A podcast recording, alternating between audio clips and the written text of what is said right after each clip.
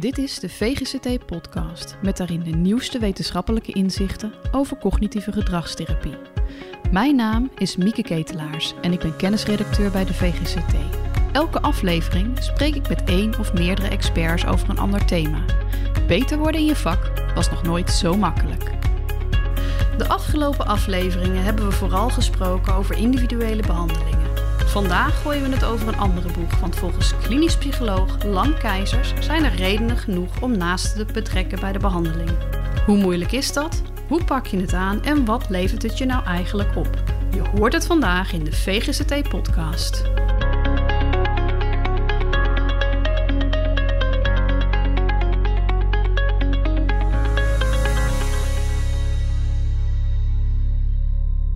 Hartstikke mooi dat ik vandaag met jou uh, kan komen praten, Lam. Ja. Um, nou gaan we het vandaag hebben over het betrekken van naasten bij individuele problematiek. Ja. En eigenlijk zie ik in het veld een, een grote verdeling tussen enerzijds hè, relatietherapie, daar waar we het hebben over koppels, en individuele problematiek behandelen. Wat maakt nou dat we dat zo, zo los hebben gekoppeld, denk je? Ja. Nou ja, het is niet overal losgekoppeld. Hè? Bij kinderen is dat dus per definitie, kinderjeugd, niet. Hè? Nee. En er zijn wel meer instellingen die toch van huis uit of vanuit een visie wel altijd systeem integreren. Maar het is wel een beetje vreemd. Het lijkt wel een beetje zo te zijn dat we toch wel een soort concept in ons hoofd hebben dat als je als volwassene, ja, dan ben je een individu en dan heb je een individueel probleem en dat is eigenlijk jouw ding. En als het echt een relatieprobleem is, dan is het natuurlijk wel duidelijk dat het met beide te maken heeft.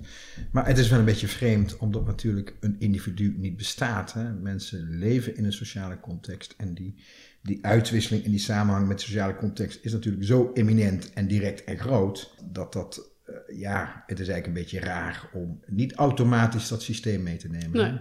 Ja. Dus ze willen een cliënt beïnvloeden in behandeling, maar dan zou je eigenlijk dat systeem, wat ook heel erg de cliënt beïnvloedt, natuurlijk ook mee moeten nemen in die stroom. Of die zou je ook bij moeten praten. Of uh, misschien is het wel zo dat het systeem juist het probleem mee in stand houdt. Maar daar wil ik dadelijk ook nog wat in toelichten.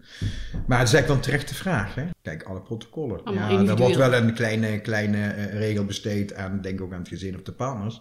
Maar het is niet een, uh, een aangrijpingspunt. Nee, nee, en vaak zie je ook wel dat als partners betrokken worden, dan is dat in de beginfase, hè, bij een intake. Ja, en dan ja. worden ze aan het eind nog eens gevraagd van, goh, hoe gaat het nou? Maar Ja. het hele middenstuk zie je eigenlijk nog maar heel weinig terug. Nou ja, al moet ik zeggen, als jij dit zo zegt, wanneer partners bij het begin en op het einde bij betrokken worden, dan ben ik al heel tevreden. Oké. Dus dat ligt best wel in de lijn van het advies, uh, waar wat mij betreft er eigenlijk al één standaard zou mogen zijn. Dat is minimaal altijd één keer bij iedere behandeling een directe betrokkenen erbij.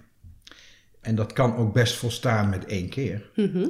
Maar die één keer is om die partner mee te stroomlijnen in de behandeling die je uitzet. Ja, En als er afspraken zijn, is het denk ik ook wel aardig om in een volgend gesprek of in een gesprek misschien wel meer in het midden, op het eind, ook niet helemaal, want het is een beetje koffie naar de maaltijd, maar misschien in het midden nog eens terug te komen op de afspraken die gemaakt zijn of nog eens door hoe het gaat. Maar één gesprek is al heel veel meer dan niet. ja, En dat niet is toch het meeste wat gebeurt. ja. Ja. Ja. Terwijl, nou ja, wat je zegt, hè, bij kind en jeugd is dat de standaard. Want daar Ja. betrekken we ouders standaard Ja. in, eh, in een behandeling. En ergens is er dus kennelijk een hele duidelijke knip. Dat Ja. als je volwassen bent, heb je dat niet meer nodig. Of is dat inderdaad Ja. niet de standaard? Ja, dat, dat is dan ook wel een opvatting die ik wel vaak hoor van therapeuten die dat niet zo automatisch doen. Dat ze toch echt wel denken, dit is een individueel probleem, maar niet alleen dat. Maar dat ze denken, ja, maar als die partner erbij krijgt, dan krijgt er een probleem bij, hè? Want dan uh, hebben we ook met die partner te maken die weer van Ja. alles vindt. Dus dat wordt alleen maar groter en ingewikkelder. En ook het idee alsof dat per definitie zou betekenen dat er dan ook een relatieprobleem zou zijn. Terwijl dit ook heel erg gaat over relaties die juist heel erg goed gaan. Maar waar je de partner heel erg kunt betrekken om die uitgezette behandeling te bespoedigen. Ja. Of de cliënt extra te motiveren. Of de partner in te zetten bij de uitvoer van bepaalde behandelstappen. Ja. En partners kunnen een grote rol spelen juist in instandhouding. Soms met beste bedoelingen in de instandhouding van de klacht. Maar wat je net zei, hè, dat er ook een stukje angst van... God, dan haal ik nog iemand die therapiekamer in... heb Ja. er zo meteen een probleem bij. Denk je dat dat inderdaad een houding is van therapeuten? Ja, ik zit redelijk ver in het onderwijs. Hè. Dus je ziet wel een beetje een tweespalt tussen therapeuten die er affiniteit mee hebben, ervaringen mee hebben, leuk vinden. En daar ook een beetje de kracht van ervaren. Mhm. Maar ook wel de mensen, en dat is vaak eigenlijk nog een grotere groep, die partners erbij associëren met relatieproblemen. En dat wel ingewikkeld vindt. Met Ja. twee personen in de gesprekskamer en andere dynamieken die er dan misschien ontstaat. Eh, geconfronteerd worden met misschien iets waar ze toch niet zo goed raad mee weten. Zoals dat elkaar in de haren vliegen. Dus ja. Nou, ik kan me ook voorstellen dat het niet heel erg prettig is als je in de behandelkamer zit. En Ja. je, je wil iemand begeleiden. en Er zitten twee mensen tegenover die ruzie Ja. gaan maken. Dus, Ja, ik persoonlijk vind het enig. Het directe drama, de therapieoefening direct ervaren en doen in de kamer. Relatietherapie is natuurlijk per definitie altijd experiencing. Hè? ja.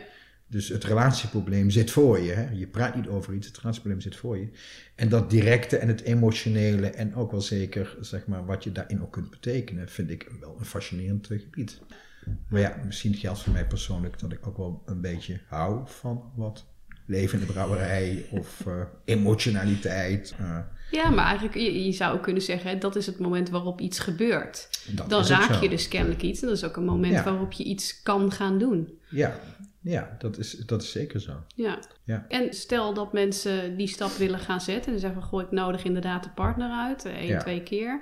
Maakt dat het voor jouw gevoel ook inderdaad lastiger of valt het mee? Ja, nou niet. Ja, niet. eh, het kost misschien wel wat meer, maar het vergroot de efficiëntie. En dat is toch het doel van de behandeling. Hè? Ja, Ik ja. denk dus niet dat je meer sessies kwijt bent. Ik denk dat je in die sessies ook sneller pas maakt. Dus ik denk niet dat het in die zin meer kost. Eh, Sterker nog, het kan ook souplesse aan de behandeling geven. Hè? Dus zo'n partner erbij, die misschien met dezelfde stappen, dus met de psychoeducatie, maar ook met de behandelstappen kan meedenken, kan ook een beetje de rol krijgen van een co-therapeut. En ook in termen van motivatie voor de cliënt. Hè? Dus waar we zo ontzettend veel mee te maken hebben, is dat we een duidelijk behandelprogramma hebben. Maar ja, de cliënt moet nog doen, hè. En die zit daar thuis na het gesprek. Heeft hij dan zin? Heeft hij de puff? Heeft hij de durf? Nou, als er een partner naast staat die zegt: Ja, maar dit is de bedoeling en doe het nou. Pakken we daarna samen gebakje. Nou, Ja. dat niet over eetstoornis gaat. en, eh, of eh, ik ga wel met je mee, hè? maar daarna moet je de oefening zelf doen, maar dan kom ik je weer ophalen. Hè? Ja. Dus ja, dat is natuurlijk toch een hele luxe wanneer je die partner ook een beetje in het verlengstuk van behandeling eh, kunt eh, zetten. Ja. Schuilt daar niet ook een risico in door een partner verantwoordelijk te maken voor een behandelproces? Mede verantwoordelijk. Ja, ik noem dat woord co-therapeut. Ik denk dat dat wel goed is om daar ook wel een beetje een grens in te trekken. Omdat dat natuurlijk ook wel een soort statusverschil tussen die twee maakt. Mhm. Maar dat is het toch niet. Ik wil je een, misschien ter illustratie eh, een schets geven. En daarna ook wel duidelijk maken waarom ik je dat noem. Maar stel je hebt een cliënt in behandeling en die heeft een alcoholverslavingsprobleem. Dan hebben we die cliënt in behandeling en die is verslaafd. En inderdaad bespreken we dan de motivatie en stappen om die verslaving af te bouwen. Stel dat dat even niet via de detox, maar gewoon via afbouwen is thuis. Dan horen we al die ellende die de cliënt meemaakt, de worsteling die die heeft. En dan horen we passant dat zijn vrouw er ook niet altijd begrip voor heeft. Ik wil je het verhaal schetsen van de partner van die persoon. Die partner die eh, staat dan s ochtends om eh, vijf uur op. Ja? Want ze moet eerst het huis gaan schoonmaken. Voordat de kinderen wakker zijn om zeven uur. Want die man is s'nachts uit een kroeg thuisgekomen. En meestal kotst hij de hele boel onder. Ligt dan op de bank en laat zijn urine lopen. Zo begint het verhaal. Ja. Dan hoopt ze op een rustig moment, want die vent ligt nog te slapen op de bank. Ja, ze jaagt hem naar boven, ja, naar de logeerkamer. Hij stinkt, hij is vies, zegt dan ga ik onder het bad, voordat de kinderen er zijn. En met de kinderen is het even een gezellig moment. De kinderen vragen niet waar is papi en eh, weet ik wat, die kennen het allemaal. Dan is haar grote probleem, dan gaat ze naar werk, maar tegen drie of vier uur dan komt hij uit bed en meestal is hij super chagrijnig. Dan zijn de kinderen al thuis en dan maakt zich al zorgen over en ze hebben me helemaal geïnstrueerd dat hij de kinderen een beetje met rust moet laten en... Nou, en dan gaan ze eten en er wordt altijd een spannend moment bij dat eten en iedereen zit er bij elkaar, een soort gezellig. Maar ja, gaan de opmerkingen komen over gisteravond en komt die pot bier op tafel of niet? Mhm. Hè? En, en er komt een pot bier en dan zegt een meisje vier, papi, je moet eigenlijk helemaal geen bier. Zo gaat het dan de avond in. En dan zegt die man, kom eens bij me zitten, schatje. Maar ze is spuugzand met die man, om daar kom eens bij me, schatje. Is het laatste wat ze wil. Nou, als je zo'n beeld krijgt, hè, Mhm. dan is eigenlijk de boodschap, wie is nou eigenlijk de drager van de klacht? ja. Dus als er klachten zijn, dan zijn ze allemaal drager. En die informatie die die man nodig heeft, hoe die verslaving moet opbouwen, die vrouw heeft die informatie net zo hard nodig. Ja. En het hele gezin heeft het eigenlijk nodig. Dus het is eigenlijk niet de vraag, moeten we anderen in betrekken? Eigenlijk is veel meer het standpunt, anderen zijn al betrokken. En als die vrouw die, die man op de kop gaat geven, ja, dan weten we allemaal wat er gebeurt. Dan gaat hij weer meer zuipen. Ja? En hè, als iemand angstklachten heeft, dan gaan vaak de familie alle taken overnemen. Want de persoon durft niet. Hè? Ja. Als iemand depressief is, ja, gaan we nog naar een feestje samen? En moet die man mee, die depressieve, of gaan we zonder? Dus het gezin, die zijn al betrokken. Dus dat is geen keuze van betrekken, die zijn al betrokken. En ja, dan kun je maar beter daarin wat stroomlijnen. En de stroomlijnen bedoel ik ook niet een partnerrelatieprotocol. Ik bedoel veel meer de stappen die je in je behandelprotocol voor je hebt. Maar waarbij je wel kijkt hoe kun je dat gezin de hindernissen wegnemen. Of de ongewenste bekrachtigingen. En andersom, hoe kun je dat gezin e- effectief inzetten. Zowel in behandelstappen als in aanmoediging als in afstemming. En ja, dat is eigenlijk toch heel erg voor de hand liggend om zo te denken en te doen. Ja, maar even het, het voorbeeld van eh, verslavingsproblematiek nemend. Hoe zou jij hier de vrouw dan bij betrekken? Ja. Nou ja, het is natuurlijk wel een heel dramatisch ding. Hè? Ja. Maar ook dat is niet zo, zo ver gezocht hè? Eh, bij dit voorbeeld. Ik denk dat prima is dat je intake met de cliënt is. Het blijft ook eigenlijk de behandeling van de cliënt. De Ja. cliënt beslist ook. Maar wanneer na intake, misschien bij aanvang van behandelplan, de partner uitgenodigd wordt. Ik denk dat het goed is agenda te maken van wat zijn zaken waar wij het over willen hebben, maar ook als partner, waar zou jij het over willen hebben? Maar ook de hele belangrijke vraag, ja, waar loopt u als partner nou eigenlijk tegenaan, gegeven deze problemen? En ja, dan krijg je dit verhaal te horen. En dit verhaal klinkt niet als dat dan in één sessie opgelost is. Dus na één sessie heb je eigenlijk, denk de route wat openstaan om samen te bespreken, ja, in welke mate kunnen we zinnig samenwerken? Blijft dat bij één sessie ter informatie? Of gaan we toch proberen ook eh, taken voor hem, maar misschien ook taken voor jou of dingen die we samen kunnen proberen? Mhm. Nou, zodra die dingen komen, is het natuurlijk wel logisch dat er een vervolgafspraak komt. En misschien is het idee wel dat zij er vaker bij is, of misschien wel de hele reeks. Ze heeft er alle belang bij. Ja. En dat heeft toch veel voordelen, omdat de draagkracht van de therapie, de kracht van de therapie, wordt er een stuk groter door. De cliënt is meer gemotiveerd, de effectiviteit wordt ook veel hoger. Ja, ik kan me ook voorstellen dat er toch ook veel schaamtegevoelens zijn eh, bij een patiënt. Zeker bij verslavingsproblematiek, maar ook bij depressie en bij angst kan ik me dat goed voorstellen. Ja. Stel dat een patiënt zegt, nou, dat doe ik liever niet, want ze weet de helft nog niet van wat er speelt. Ja. Wat dan? Ja, dan heeft de cliënt toch het recht eh, wel of niet anderen te betrekken, wel of niet eh, informatie te delen Ja, van ja. ons naar een partner. Dus als de cliënt dat niet wil, dan eh, denk ik, houdt het in heel veel gevallen op. Het kan natuurlijk geen kwaad een paar sessies verder nog eens te vragen. Ja, precies. Of eens de voordelen te noemen. Ehm, het kan natuurlijk ook zijn dat de partner niet wil. En ik kan wel zeggen dat beide situaties is meestal geen goed teken. Kijk, als je een beetje voorstelt, maar wat zou een reden kunnen zijn dat je niet in een behandeling van een partner niet een keer meekomt doen of luisteren? Ja, dan betekent toch dat er toch een wig tussen die, dat stel zit. Maar we kunnen er niet overheen troeven. Het is natuurlijk een visie dat dat effectiever is en Ja. beter is. Ja. Maar je zegt nou een visie. Is, is daar ook bewijs voor dat het betrekken van naasten Ja, effectief ja. is? Ja, nou het is niet eh, onomstotelijk. Het is niet een terrein wat zoveel onderzoek meegenomen wordt. Hè? Dus Nee. het verschil tussen een systeem wel meenemen of niet meenemen. Dat komt vaak eigenlijk ook wel meer uit de systeemtherapie. Maar ja, dan is vaak weer de behandelmethode weer minder strak. Eh, nou ja, binnen het werkveld is eh, Donald Beckham de grote man die daar dit jaar nog een flinke pil over gepubliceerd heeft. Eigenlijk steeds onderzoek doet naar hoe kunnen we partners goed betrekken en wat betekent dat voor de effectiviteit. Mhm. En vindt eh, sterk verbeterde resultaten. Op sommige onderzoeken therapie-effectvergroting van twee tot drie maal meer effect. Eh, dat het niet meer tijd kost. Dus hij vindt er heel veel aanwijzingen. En die worden in het algemeen ook wel gevonden, maar ook wel tegensproken. Mhm. Dus een, een totale consensus is daar nog niet in. Nee. We hebben nog steeds binnen de cognitieve gedragstherapie dat nare getal van 20% patiënten die niet opknappen binnen Ja. reguliere behandelingen. En wat we daarvan weten is dat dat toch vaak meer in de motivationele hoek zit. Dat zit toch een beetje in de sfeer hoe sluit je die behandeling beter bij de patiënt aan. Hè? En de therapeut kan nog meer motiveren, maar ik denk dat daar in de partnersbetrekken nog een belangrijk sluitstuk is om die 20% In ieder geval te laten en ook dalen. voor de anderen, hè, dus ook buiten die 20%, de effectiviteit en ook de duurzaamheid te verhogen. Dus ehm, ik denk dat daar veel te winnen is. Ik denk dat er veel te Maar je noemt nou motivatie, hè? dat een patiënt onvoldoende gemotiveerd is. Hoe zie jij het voor je dat een naaste daarbij wel dat effect weet te sorteren? Ik kan, namelijk, ik kan me ook voorstellen dat het heel vervelend is. Als je partner naast je hebt die de hele tijd eh, loopt te Ja. zeggen... ga nou eens wat doen. Nou ja, maar goed, dan zou je eigenlijk weer hopen als die partner meekomt in therapie voor het tweede gesprek. Dat de cliënt zegt, ja, maar nou vind ik het wel heel vervelend dat mijn partner steeds in mijn nek zit. En dat je het daar weer over hebt. Hè? Ja, Nee, ik denk dat het effect echt andersom is. Die je denk ik ook prima mee kunt meevoelen. Dat wat voor verschil is het als je als cliënt thuiskomt en er zit een partner. Oh, waar ben je geweest? Eh, nou, bij de psycholoog. Oh ja, nou die zijn nog gekker dan jij. Hè? ja. En, eh, en dan zegt de cliënt, ja, ik moet in dit oefenen. Ja, dat heb ik altijd gezegd. Hè? Of dat lukt je toch niet. Die heb je ook. Hè?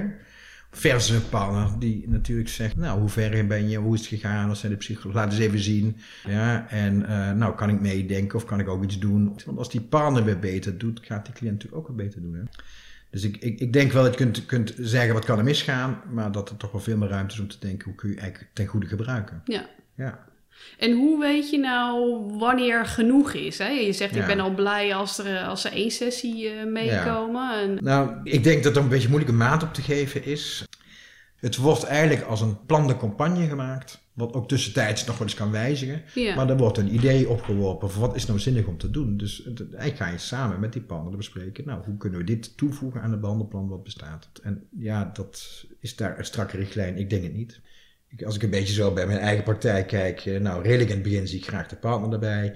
Nou, soms komt er een duidelijk plan van aanpak en zie die partner een paar keer. En ook wel regelmatig te zeggen, nou, fijn we elkaar gesproken hebben. Ik geloof dat we op één lijn zitten. Laten we nog eens op drie kwart of op de helft nog eens een keer samen zitten en horen hoe het gaat. ja. Ik zit me net te bedenken, ja, soms zit je iets te vertellen en zit je gelijk te denken van hoe is het dan ook anders. Ik zit me net te bedenken dat er ook wel situaties zijn waarin het advies ook juist niet is om de partner te betrekken.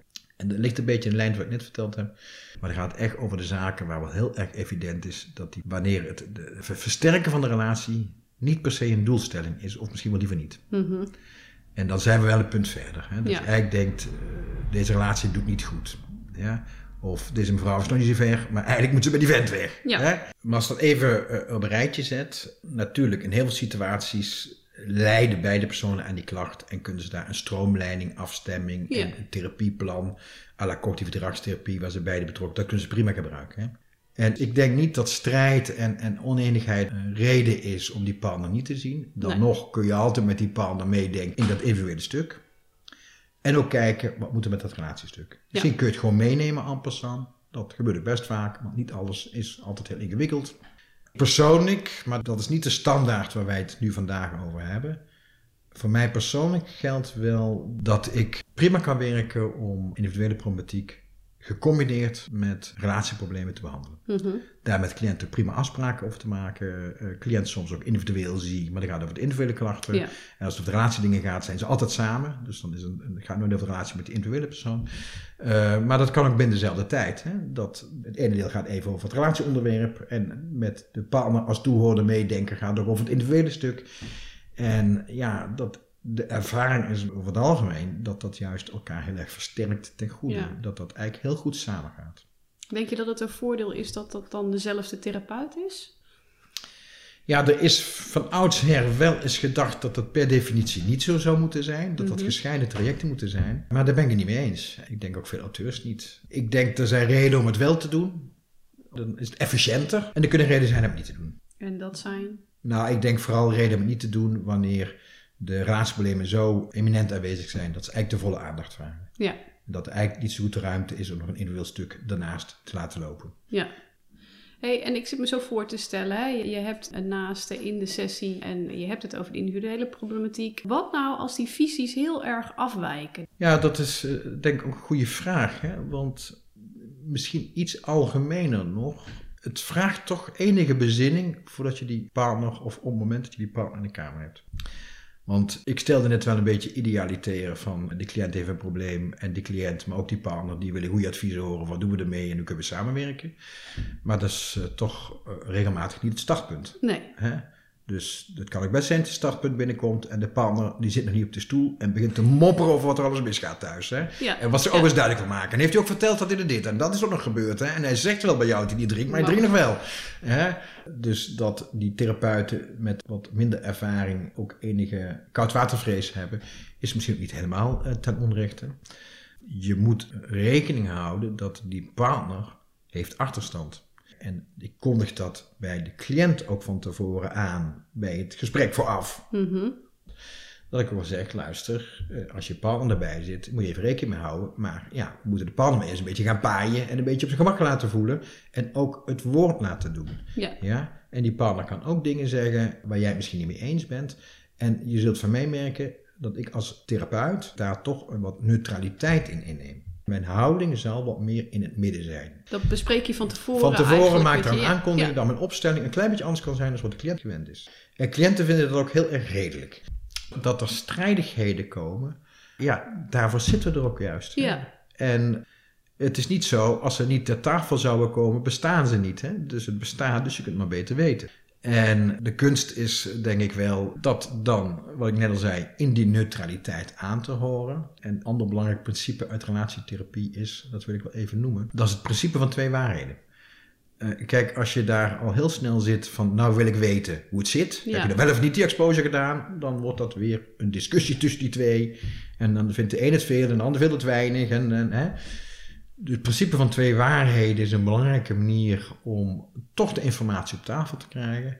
Maar dan wordt het idee weggehaald dat je moet beslissen wat waar is. Ja. En dat is natuurlijk ook terecht. Maar twee mensen zijn, het zijn twee meningen, het zijn twee Ja. interpretaties.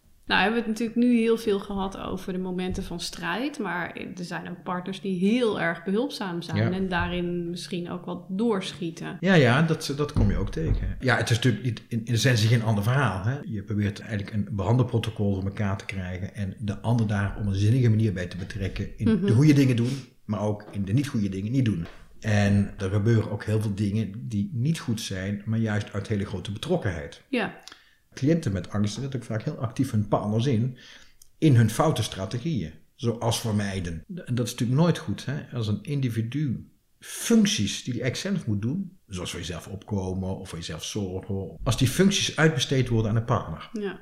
Want dat houdt altijd in dat die partner steeds beter in die dingen wordt en zelf wordt er steeds slechter in. Ja, en dat is wel heel goed om dat in behandeling te zien. Hè? Ja. Want als dat in stand blijft, dan kun je daar niet op tegen therapieën. Ja. Maar dat is lastig op het moment dat je de partner niet al mee hebt en dat verhaal goed in kaart kan brengen. Ja. Het zou er een beetje voor pleiten misschien om intake al altijd met partners te doen. Ja, dat is de modus operandi nog niet. Nee. Ik weet niet of dat altijd de handige is. Ja, ik denk dat heeft ook wel het voordeel om toch ook met protocolair gedragstherapeutisch werken daar alvast een beeld van te maken. En dat we uit te breiden met misschien meer de informatie die je dan in, daarna pas krijgt. Kan me voorstellen dat er iets voor te zeggen is om eerst de cliënt zelf te zien en Ja. die het verhaal te laten doen. Het is Ja. dus in, in primair zijn of haar verhaal. Ja. En in een volgend stadium inderdaad de partner erbij te betrekken en te kijken wat speelt er dan nog meer omheen. Dat is zoals het spel wel gespeeld wordt, maar is ook wel normatief. Hè? Het is toch de behandeling van de cliënt. En als de cliënt zegt, ik wil de partner er niet bij, en die partner zegt, ik wil wel. Nou, je kunt het er samen over hebben. Maar als die cliënt zegt, ik wil het echt niet, dan gebeurt het niet. Hè? Maar is er een punt waarop jij als therapeut zegt, dan doen we de behandeling niet, want hij heeft geen kans van slagen op het moment dat we Ja. geen partner betrekken.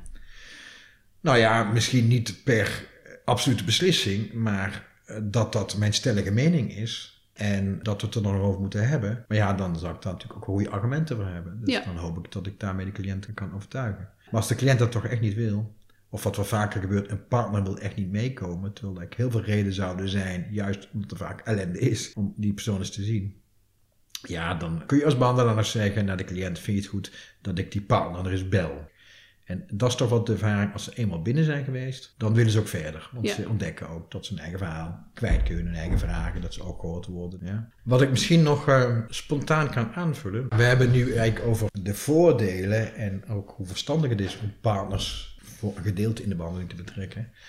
Maar ik kan toch ook wel op heel veel ervaringen gestoeld zeggen dat het soms ook echt sterker ligt. Hè? In, in die zin dat er zijn toch nogal wat klachten waarbij je het eigenlijk bijna niet kunt maken om die partner niet te betrekken. En ook daar loop je in de sessie, ook met individuele eh cliënten, loop je daar tegenaan. Dus Ja. er zijn ook heel veel gevallen dat je er eigenlijk gewoon niet omheen kunt. En dan heb ik het nog steeds niet over een formeel relatieprobleem. Nee. Het is natuurlijk het, eigenlijk een soort van, ja, eigenlijk moeten we het gewoon altijd doen. Ja, het, het klinkt heel logisch, maar ja, Je bent ah, het steeds meer met me eens, hè? Of was je het al?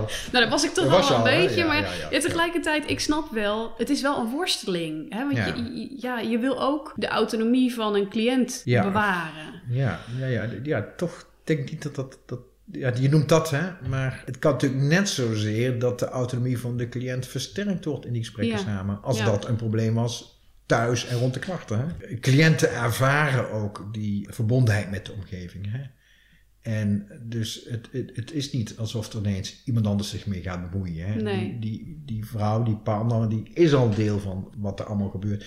Dus voor cliënten is dat niet zo alsof je daarmee een, een soort integriteitsgrens overschrijdt. Behalve misschien weer bij die stellen waar, waar heel veel geheimen bestaan. Stiekem dingen, stiekem eten of stiekem drinken. Ja, dan, Ja. Dan, dan is dat... Ja, maar dan is het ook essentieel Maar dan is het eigenlijk, essentieel. Ja, precies, dan is ja, dat, ja. dat ook weer een Dat moet komen. probleem. Ja. ja. Nee, dat is eigenlijk een heel artificieel onderscheid wat we maken in therapie. Dat we zeggen, oké, je hebt een individueel probleem, je komt alleen naar, eh, naar de behandeling. Want zo we doen het het, leven niet. nee, we doen het nergens anders met ons leven. Ik bedoel, in alle andere contexten heb je Bij de de partner erbij. Ja. Dat is redelijk individueel. Ja. ja, maar als je het dan weer over complexere medische zaken hebt, dan zeg je inderdaad, je neemt de partner mee om te luisteren, want twee horen meer dan één. En dan, Ja. eh, Dan nemen ze dus met de insuline omgaan of met suikerziekte. Dat is natuurlijk toch heel wezenlijk dat die partner weet wat de bedoeling is en meedenkt. En eh, ook kan melden bij de, de verpleegkundige van ja, heeft 's ochtends is het altijd zo, het is mij opgevallen. En, Ja. Ja, en hebben we het nog helemaal niet gehad over het stukje terugvalpreventie, waar natuurlijk eh naast Ja. ook een hele mooie rol kunnen hebben om Ja. eh, te signaleren en te helpen. ja, nou zeker. Ook op dat vlak. Ik, belangrijk, ik denk het belangrijkste vlak is motiveren. Met z'n twee sta je sterk. Hè? Samen dezelfde, de neus dezelfde kant uit, weten wat de Ja. bedoeling is. Dat dat daar een hele grote kracht van uitgaat. Er is ook een eh, positieve beïnvloeding natuurlijk. Dat als de relatie beter gaat, gaat het met de klachten en de pathologieën ook beter. En als Ja. de pathologie beter gaat, gaat het met de relatie beter. Hè? Ja. Dus het raakt ook aan de wat bredere visie dat welzijn is niet helemaal hetzelfde als geen klachten hebben. Hè? Dus dat stellen daar ook door samen die problemen aan te pakken, als stel ook beter kunnen worden. En andersom, bij ontzettend veel relatieproblemen is een individuele klacht. Ik, ik durf bijna te zeggen, nou zal het de helft zijn, zeker een derde. Dus het relatieprobleem wordt aangemeld en bij eh, nadere verkenning blijkt een van de twee een psychische klacht te hebben. Dus een, een dwangstoornis of een, Ja. depressie, die een belangrijke rol speelt in die relatieprobleem. Dus ook daarin, ook al is het doel die individuele klacht, het heeft toch een wisselwerking met ook de dynamiek in de relatie en dat heeft Ja. een effect op die klacht. Mooi. Nou, volgens mij zijn jij en ik er in ieder geval uit. We weten nou Ja. hoe het moet. Nou, de rest nog. En nou moeten we even kijken de, de andere mensen een beetje overhouden. Ja. Nou, ik denk dat een goede toon in ieder geval is gezet. Dank je wel voor alle informatie. Nou, heel graag gedaan, eh Lieke. Het is Yes. eh, leuk om eh, met jou erover te hebben. Je luisterde naar de twaalfde aflevering van de VGCT-podcast. De volgende aflevering is een speciale, waarin we een Q&A hebben over angstbehandeling bij kinderen. Jullie hebben daarvoor zelf vragen ingeleverd, maar schiet er nog één te binnen? Stuur dan vooral even een mail naar communicatie.vgct.nl. Tot de volgende keer!